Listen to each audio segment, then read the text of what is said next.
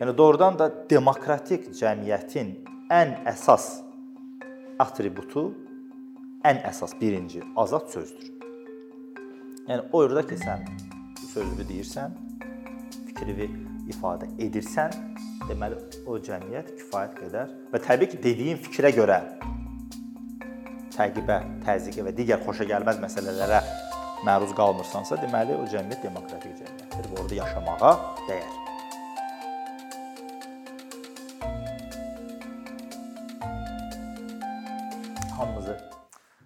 Salamlayıram. Çox ciddi bir məsələyə toxunacağıq. 1999-cu ildə Azərbaycanda ilk dəfə kütləvi informasiya vasitələri haqqında qanun layihəsi müzakirə olunanda Milli Məclisdə işçi qrupunun bir rəhbəri var idi, Rizvan Cəbiyev. O çıxışına bu sözlərlə başlamışdı. Biz cəmiyyətin ən həssas qanun layihəsinin müzakirəsinə başlayırıq. Yəni demə deməmişdi ha, ən həssaslardan biri, birincisi, bir neçəsi, elə ən həssas Yəni doğrudan da demokratik cəmiyyətin ən əsas atributu, ən əsas birinci azad sözdür.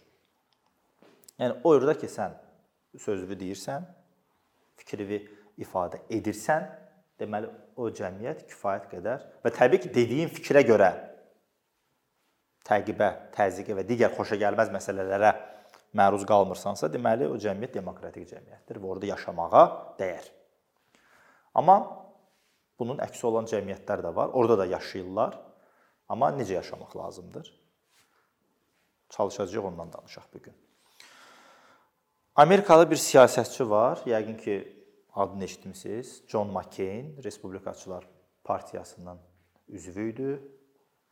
Prezidentliyə namizəd olmuşdu. O Vyetnam müharibəsində əsir düşür.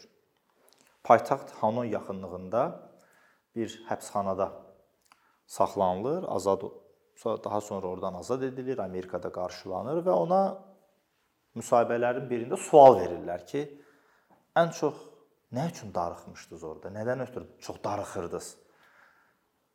O cavab verir.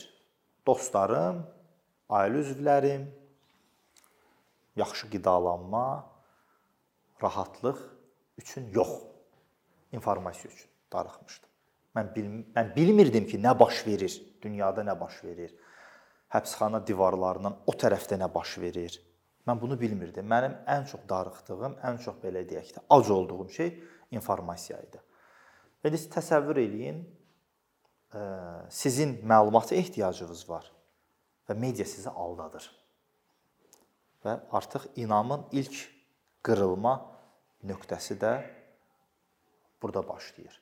Çıxışın əvvəlində qeyd elədim, təkcə Azərbaycan üçün deyil, ümumiyyətlə bu gün dünyanın ən demokratik ölkələrində də götürsək, məsəl üçün 2-3 dəfə dalbadal dünyanın ən xoşbəxt ölkəsi seçilir Finlandiya. Hə, təbii ki, hansı meyarlarla onu mən bilmirəm, amma mən Finlandiyada əhalidə belə bir ki, sizin ölkəniz bilirsiniz də, xoşbəxt ölkədir də. Çox gülər üzdən gülümsəməklə qarşılayırdı insanlar. Hə, ola bilər. Yəni Hətta orada da hesab hiss edirdin ki, mediaya o qədər inam yoxdur, baxmayaraq ki, Skandinaviya ölkələri kifayət qədər demokratik ölkələrdir.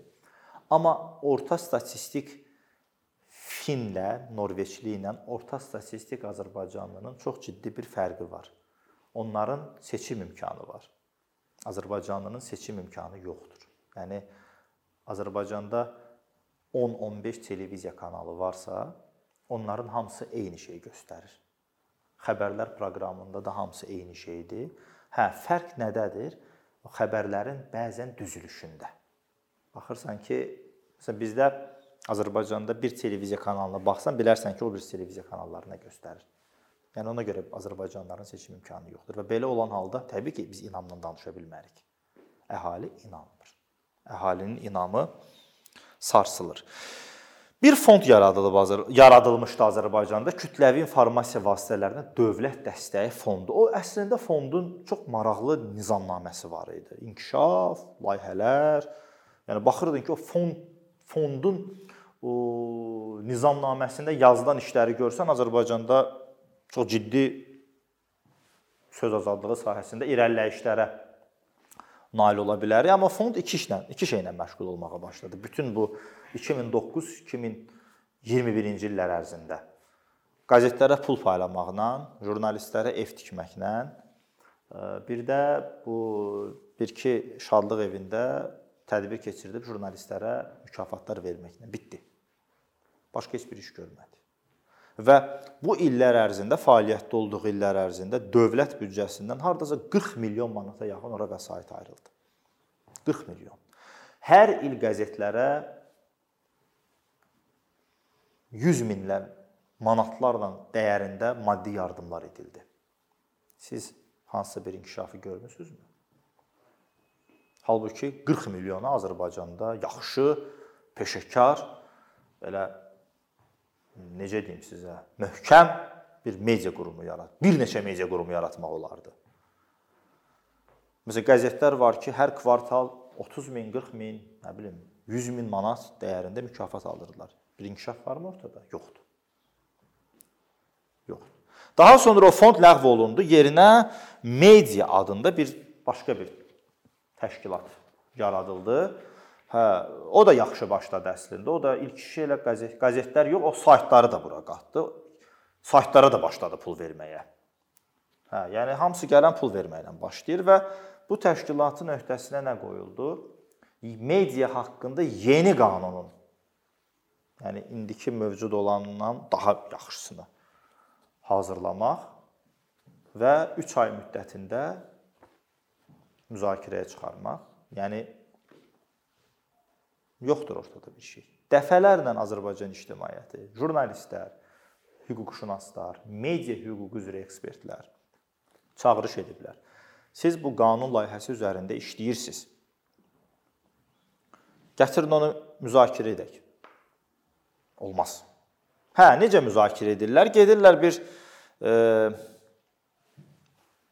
media qurumuna, Yığırlar o media qurumunun əməkdaşlarını, otururlar orada. Hə, deyirlər biz bunu ictimai müzakirə, amma cəmiyyət bunu görmür. Çıxışın əvvəlində dedim, nə demişdim?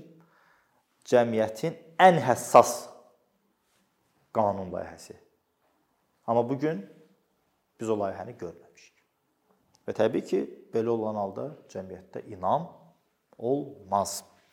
Olmadığına görə də insanlarda mediaya da bir inam yaranmır, etibar yaranmır. Məsəl üçün e, biraz məsələyə konseptual baxaq da. Yəni biraz geniş baxaq məsələyə. Məsəl üçün təhsildən başlaya bilərik. Azərbaycan ali məktəblərində jurnalistika ixtisasına qəbuldan başlaya bilərik. Onlara keçirilən fənlərdən başlaya bilərik, dərslərdən başlaya bilərik. Bu dərslər indiki dövr üçün nə dərəcədə aktualdır? Mən çıxışlarımın birində dedim, elə Əkinçinin layihəsi çərçivəsində dedim bunu ki, Azərbaycanda jurnalistikaya bir elm sahəsi kimi yanaşılmır. Əslində jurnalistika özü bir elmdir. Bunu öyrənmək lazımdır. Yoxdur. Bu da bir problemdir. Biz ə, e, ən son, ən son hansı nəzəriyyəni bizim nəzəriyyəçilərimiz, media nəzəriyyəçilərimiz ortaya qoyublar? Yoxdur. Bizim elmi yazılarımız hansı nüfuzlu elm dərgilərində dərc olunub? Yoxdur. Yəni bu elmi tərəf.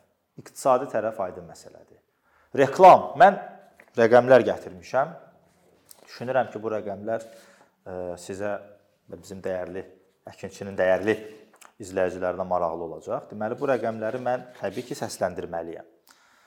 E, təkcə bir 2018-ci ildə, indi mən 2020-yə də gələcəm. 2018-ci ildə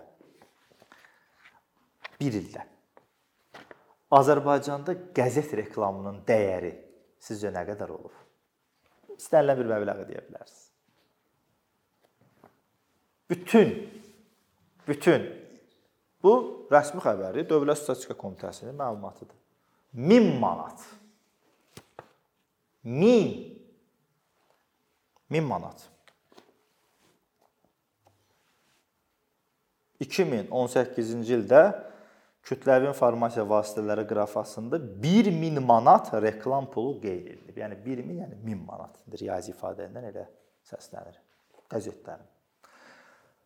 2009-cu ildən 2020-ci ilə kimi bu qəzetlərə hər il 100 minlərlə vəsait ayrılıb. Hardan? Bizim vergilərdən formalaşan dövlət büdcəsindən və bu qəzetlər 2018-ci ildə cəmi 1000 manatlıq reklam əldə ediblər. Bu Dövlət Statistika Komitəsinin yəni deyirlər mənbə göstər. Bunun və yaxud Facebook dili ilə çək link ver. Link orada Dövlət Statistika Komitəsində. 2020-ci ildə kütləvi informasiya vasitələri reklam yayımından 2020-ci ildə ümumi götürsək 12 milyon manat vəsait əldə edib. Bu təbii ki, əvvəlki illərlə müqayisədə 22% çoxdur. Amma burada bir məsələ var da. Ən çox qazanan, ən çox qazanan televiziya və radio şirkətləridir. 12 milyondan 11 milyonu bunların payına düşür. 12 milyon vəsait olubdur 2020-ci ildə. Yuvarlaqlaşdırılan mən deyirəm 11 milyon nə qədərdir? Onun 11 milyonu 10 milyon nə qədər yarımı düşübdür təkcə televiziyaların payına. Yenə burada qəzetlər artıq qaldı bir kənarda. O 1 milyon da hamısı qəzetlərə getməyib ha. Burada da indi nə ediblər? Biraz qrafanı dəyişiblər. Qəzet və digərləri adı ilə gedibdir. İndi biz necə inanaq? Fikir verin. Azərbaycanda orta statistik Azərbaycanlının seçim imkanı olmadığı qədər onun o inam dairəsi də artıq getdikcə kasadlaşır. Bax təhsildən danışdıq, medianın iqtisadi vəziyyətindən danışdıq. Məsələn, qərb ölkələrində necədir? Hmm, qərb deməyək də biraz da. Bir balaca inkişaf eləmiş ölkələrdə. Mediada, qəzetlərdə, televiziyada, saytda adı nə qoyursunuz qoyun. Adı nə qoyursunuz qoyun. Reklam departamenti ilə xəbərlər departamenti bir-birindən ayrıdır. Yəni müstəqildir. Biri digərindən müstəqildir. Biri digərinə tabe deyil. Biri digərinin e, işinə qarışmır. Əksinə bu ikisi arasında çox ciddi rəqabət olur. Və mən bu gün hansı qəzetə aparıb reklam verə bilərəm? Mən bilirəm ki, oxunmur da, bu qəzet alınmır. Orda keyfiyyətli məhsul yoxdur. Mən biznesmenəm. İstəyirəm ki, qəzetdə hələ siyasi məsələlərə toxunmuram. Hə, ola bilər ki, nələrsə qəzetlərə icazə vermir. Aydın, onu kənara qoyuram. Sadəcə bir oxucu, orta statistik oxucu gözü ilə baxıram. Mən qəzet aparıb reklam vermək istəyirəm. Hə, belə axı görürəm ki, bu qəzet satılmır, oxunmur. Deməli, inanmıram artıq mən. Və mən buna inanmıramsa, digərlərindən inamı necə tələb edə bilərəm? Hə, Jurnalistin sosial statusu, təhsil, iqtisadi məsələ və status, sosial status məsələsinə gəlirik. Dedimmi? KİVDF F tikirdi jurnalistlərə 2000 tikib verib, üçüncü də gözləyir. Üçüncü 2017-ci ildə verilməli idi də səhv eləmirəmsə ya da 2018-ci ildə. Hə, verilməli idi, amma verməyiblər hələ. Düz eləyiblər, verməyiblər. Hə. Hə. Yəni Sosial statusu yoxdur jurnalistin şəxs olaraq. Şəxs olaraq bir sosial statusu yoxdur. Yəni bütün bunların hamısı cəmiyyətin gözü qarşısında baş verir. Hə, inam formalaşdırmaq olar, olar. Dövlət, hökumət məsələn bir gecə yatarıq, səhər durarıq, demokratik cəmiyyətdə oyanarıq. Eləyə bilər. Hər şey siyasi iradədən asılıdır, amma eləmirlər. Hökumət bunu eləmir. Çünki indiki media siyasətini özü yaradıb, o mühiti özü də bunu idarə edir. Bəli, siyasi iradə ortaya qoyulsa, bir gecənin içərisində sehrli çubuqla biz səhər Finlandiya kimi dünyanın ən xoşbəxt ölkəsinə oyana bilərik, amma oyanmırıq. Ona görə mən bayaqdan tənqid edirəm. İndi yəqin ki, soruşa, "Ha, yaxşı da tənqid edirsən. Bəs? Nə edək?" Hə, çox yaxşı sualdır və çox maraqlı sualdır. Edək? Jurnalistlər, peşəkar jurnalistlər. Peşəkar jurnalistlər. Ən birinci görəcəyimiz iş budur. Öz üzərimizdə işləməliyik və vicdanla işləməliyik. Ən demokratik ölkədə yaşasaz da, ən demokratik ölkədə yaşasaz da, ən super mühit sizə yaradılsa da, müstəqil məhkəmə, ədalətli cəmiyyət, super siyasi iradə bunların heç biri jurnalistin işini görmür. Jurnalistin işini jurnalistin özü görür. Yəni bəli, biz e, fəaliyyət göstərmək üçün ədalətli cəmiyyətə ehtiyacımız var. Qanunun aliliyinə ehtiyacımız var. Amma bəzi şeylər də bizim özümüzdən asılıdır da. Yəni vicdanlı olmaq sizin özünüzdən asılıdır. Yəni vicdanlı olmaq bəli gedib hardasa şüarlar qışqırmaq deyil. Sadəcə olaraq öz peşənə vicdanla yanaşmaqdır. Yəni yalan yazma. Aldatma. Zədələmə, do not harm. Çox maraqlı bir deyimdir bu. Bütün məsələlərdə deyilir.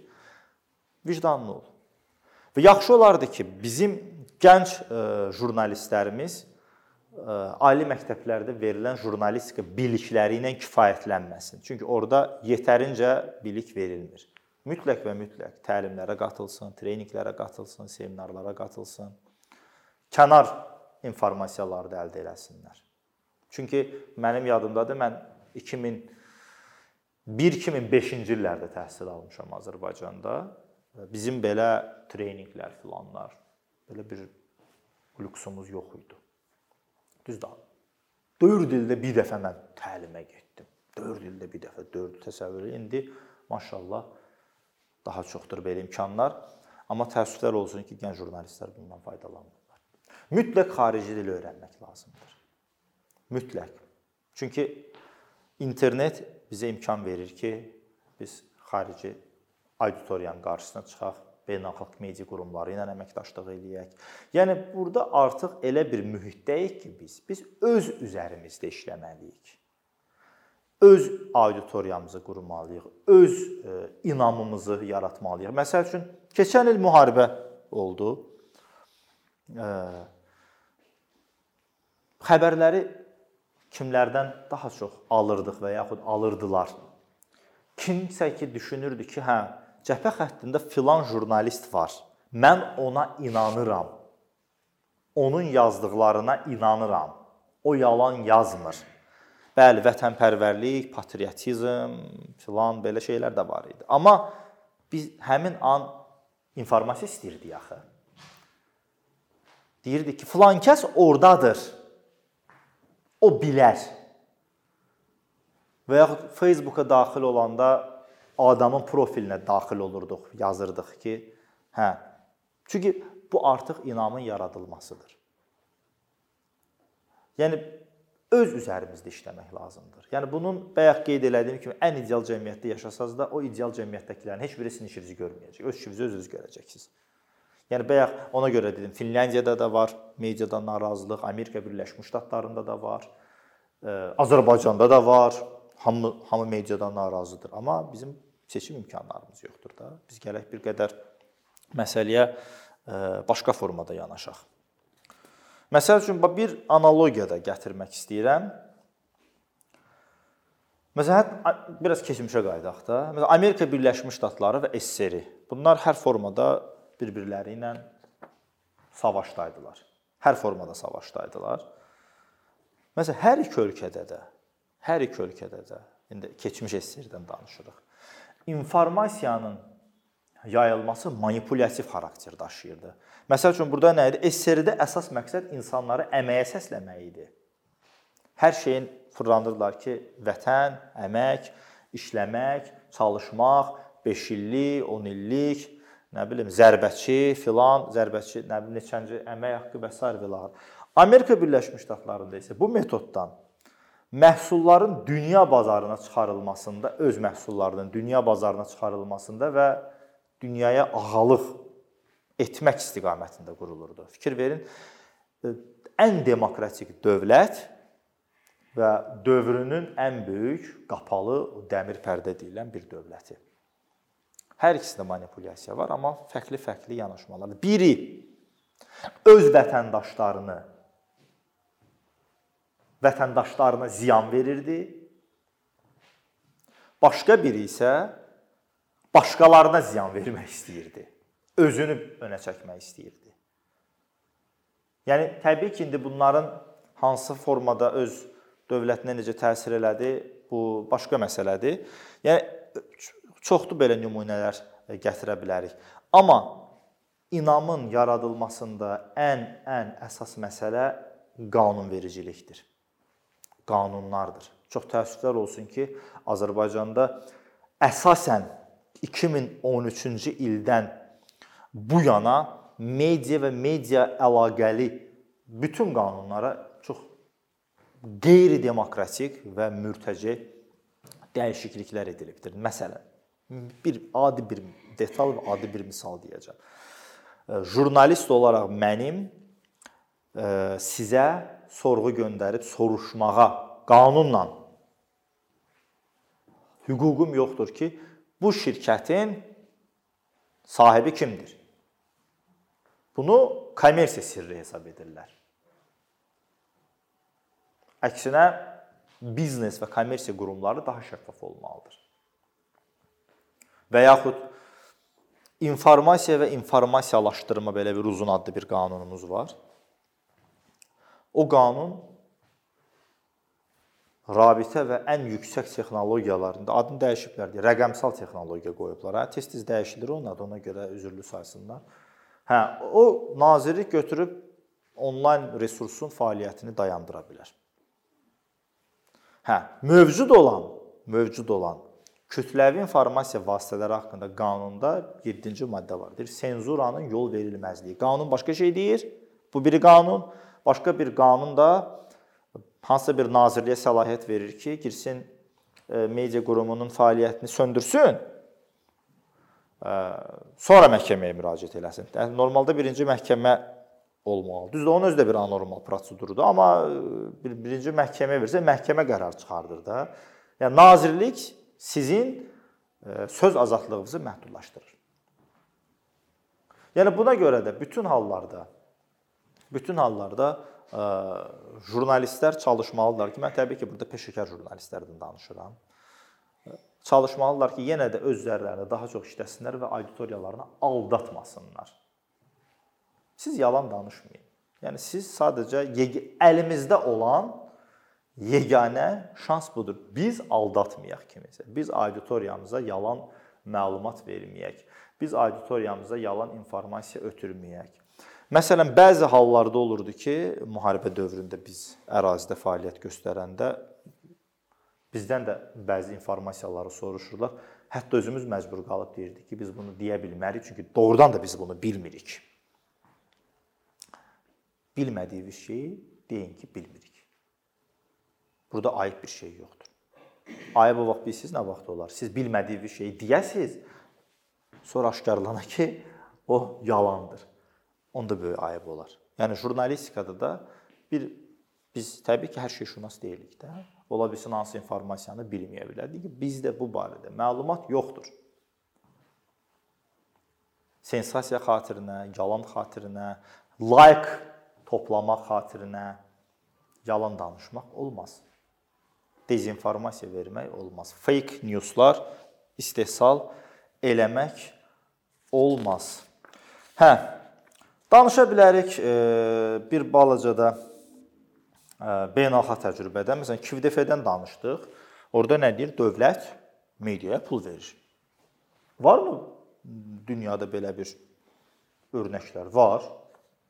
Məsəl üçün Azərbaycan e, mediaya, qəzetlərə yardım ayıran ilk və son dövlət deyil. Avropada da var. Məsəl üçün 2013-cü ildə Belçika Danimarka, Norveç və Böyük Britaniyada qəzetlərin satışına görə tutulan əlavə dəyər vergisi ləğv olunub. Bu demək deyil ki, burdakı qəzetlər hökumətə işləyir. Dövlət gətirib ki, hə, fərqi yoxdur. Hansı ə, e, siyasi görüşdən olan qəzetdir, hansı baxışdan olan qəzetdir.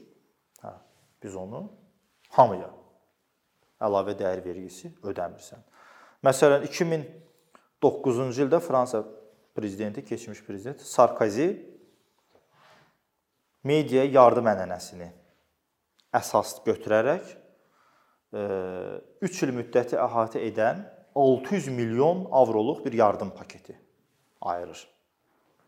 Yəni Fransada qəzetlərə yardım, dövlətin qəzetlərə yardımı çox böyük bir ənənəsi var. Sarkozi də 3 il müddətinə bu filan qədər vəsait. Dövlətdə sadəcə o vəsaitin işlənməsindən söhbət gedir. Mən sizə bu 600 milyonu ayırıram ki, siz inkişaf eləyəsiniz. Hə, bir tərəfdən də var. Mən sizə bu 40 milyonu verirəm ki, siz inkişafdan başqa bütün işlərlə məşğul olasınız. Fərq budur. Düşüncə budur.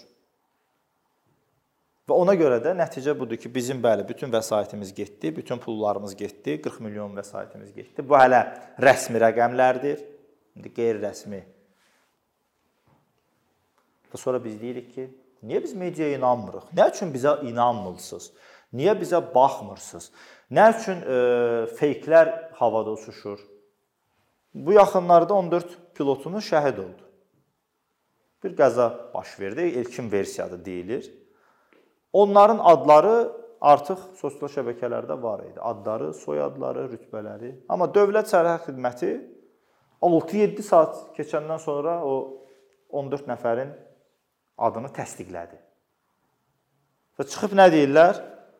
antimilli ünsürlər, xarici qara qüvvələr, orada o adları açıqlayıblar və rütbələr. Orada antimilli olan nədir? Antimilli odur ki, o informasiyanı gizlədirsiniz. Onu gec verirsiniz. Və sonra da deyirlər ki, niyə dövlətə, onun qurumlarına və mediaya inam yoxdur? Elə belə şeylərə. Yəni bütün hallarda jurnalistlər özləri bir dönə-dönə qayıdıram. Özləri yalan danışmalı deyillər. Çünki mən başqa çıxış yolu görmürəm burada. Çünki biz dövlət deyilik, bizim resursumuz yoxdur. Bizim biliyimiz var, necə ki burada informasiyamız var, sizlə bölüşürük. Biz öz biliyimizi gənc jurnalistlərlə bölüşürük. Özümüz də kimlərdənsə bilik və informasiya alırıq. Yəni bizim gənc jurnalistlərə, hətta gənc olmayan, hətta öz həmkarlarımıza verə biləcəyimiz yeganə bir şey biliklərimizin bölüşməsidir, paylaşmasıdır ki, onlardan istifadə edib e, daha da peşəkarlaşaq və yalan danışmayaq. Yəni indiki şərtlər daxilində bizim fəaliyyətimiz vicdanla işləməkdir. Yəni bu vicdan sözünü mən havadan buraxmıram. Çünki 10 e, dənə prinsip var. 10 prinsipin 10-uncusu məhz belə adlanır ki, jurnalist peşə fəaliyyəti zamanı vicdan, şəxsi vicdanının diktəsi ilə hərəkət etməlidir. Vicdan. Yəni budur. Mənim sahədə deyəcəklərim qədər.